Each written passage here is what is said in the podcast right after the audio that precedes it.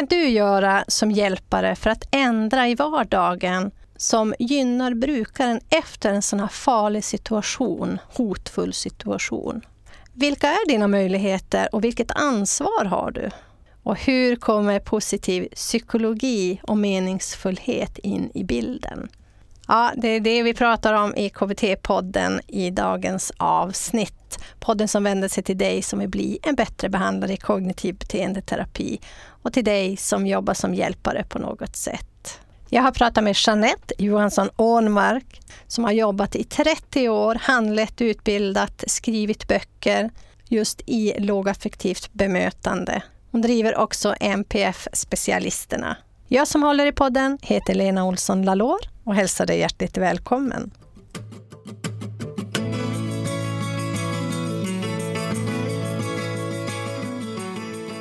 Välkommen till KBT-podden och avsnitt 268 med mig, Lena Olsson Lalor.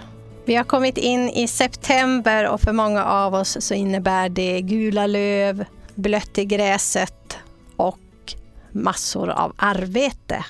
Idag fortsätter jag att prata med Jeanette Johansson Ånmark som har jobbat med lågaffektivt bemötande i 30 år. Handlett, utbildat och också skrivit en massa böcker som jag lägger i poddbloggen bliambattrebehandlare.se 268. Där kan du också ta del av spellistan där jag lägger tidigare avsnitt om just lågaffektivt bemötande. För idag går vi in på tredje delen av verktygslådan som är själva förändrandet. Alltså hur kan man förändra i det dagliga stödet för brukaren på bästa sätt efter en sån här farlig situation har funnits?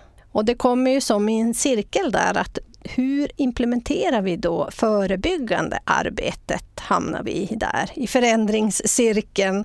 Så från att ha hanterat den farliga situationen till att ha utvärderat den farliga situationen till att nu gå och förändra det som behövs för att förebygga framtida farliga situationer. Vi behöver ju stödja så att det faktiskt inte händer igen. Och om det händer så minimerar vi riskerna för både oss och för brukaren. Vi behöver se hur brukaren också får tillgång till de här strategierna som vi tycker är viktiga, utav de strategier som de har förmåga att ta till sig. Så konsekvenstänk kanske inte alla kommer att lära sig hur mycket vi än försöker, utan det är det som är deras problematik. Så vi behöver säga det kanske gång på gång på gång och då behöver vi hjälpa dem att ta till sig det de kan. Så vi behöver jobba med tydliggörande pedagogik som jag kan nämna då kommer under hösten ett avsnitt om också. Jag och Jeanette pratar och tar upp om det här med positiv psykologi och de fem livsområdena som finns där i PERM. Positiva känslor, engagemang, relationer, meningsfullhet och achievement, alltså att man lyckas uppnå någonting. Vi pratar också lite grann om KASAM, förstås. Så vi behöver skapa värde i personens liv för att kunna förebygga många av de här saliga situationerna.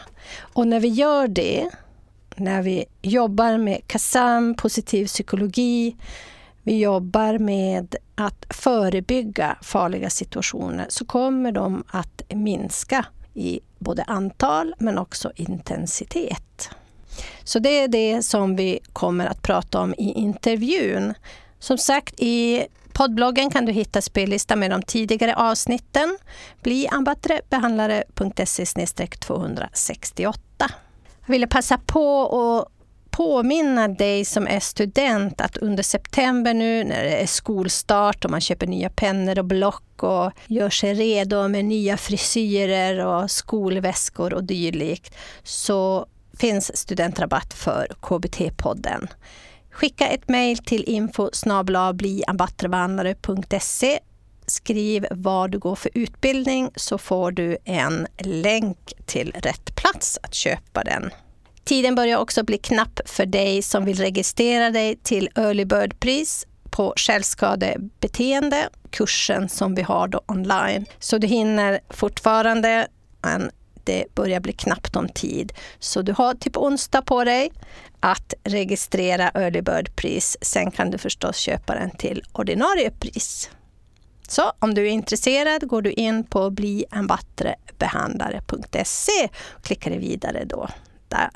Nu ska jag inte låta dig vänta längre utan här kommer då ett guldkorn från avsnitt 268 som handlar om att förändra den del av verktygslådan som man använder i lågaffektivt bemötande. Mycket nöje! på vilket sätt behöver vi stötta personen i att det inte här ska uppstå igen. Eh, mm. Att jobba, att definiera vilka strategier behöver personen hjälp med? På vilket sätt kan vi hjälpa personen att få tillgång till de här strategierna? Eh, och det här är ju superviktigt utifrån att vi möter väldigt många människor i verksamheter som just har ett bristande konsekvenstänk eh, och där man verkligen behöver, alltså om vi tittar på LSS till exempel, så, så kanske man aldrig kommer att få ett utvecklat konsekvenstänk eh, under sitt, sin livstid. Mm. Det kanske är därför du behöver LSS-insats hela livet. Du behöver en personal som finns där och påminner dig om detta. Det räcker inte bara att vi säger det en gång. Mm. Och sen handlar det om det dagliga stödet. Vilka strukturer behöver vi förändra runt personen? Behöver vi jobba med? Alltså tydliggörande pedagogik, stress och återhämtning, copingstrategier och så vidare. Mm. Så vi går in och tittar på det förebyggande arbetet. Ja, det var allt vi hade att bjuda på idag och vi tackar Jeanette än en gång. Gå in i poddbloggen på bliambattrebehandlare.se 268 för att ta del av spellistan med alla avsnitt som handlar om lågaffektivt bemötande och också böcker och referenser. Speciellt då Jeanettes böcker om just lågaffektivt bemötande. Och du som vill lyssna på hela avsnittet. Du går in och köper dig en prenumeration på bliambattrebehandlare.se 268.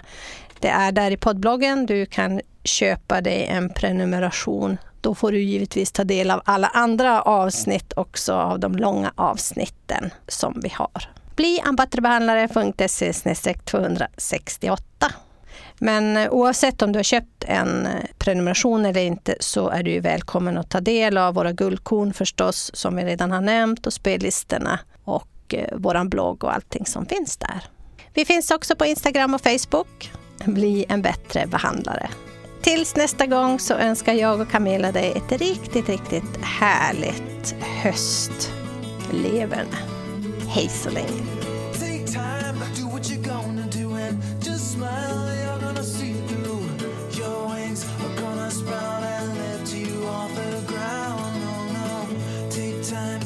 What you're gonna do.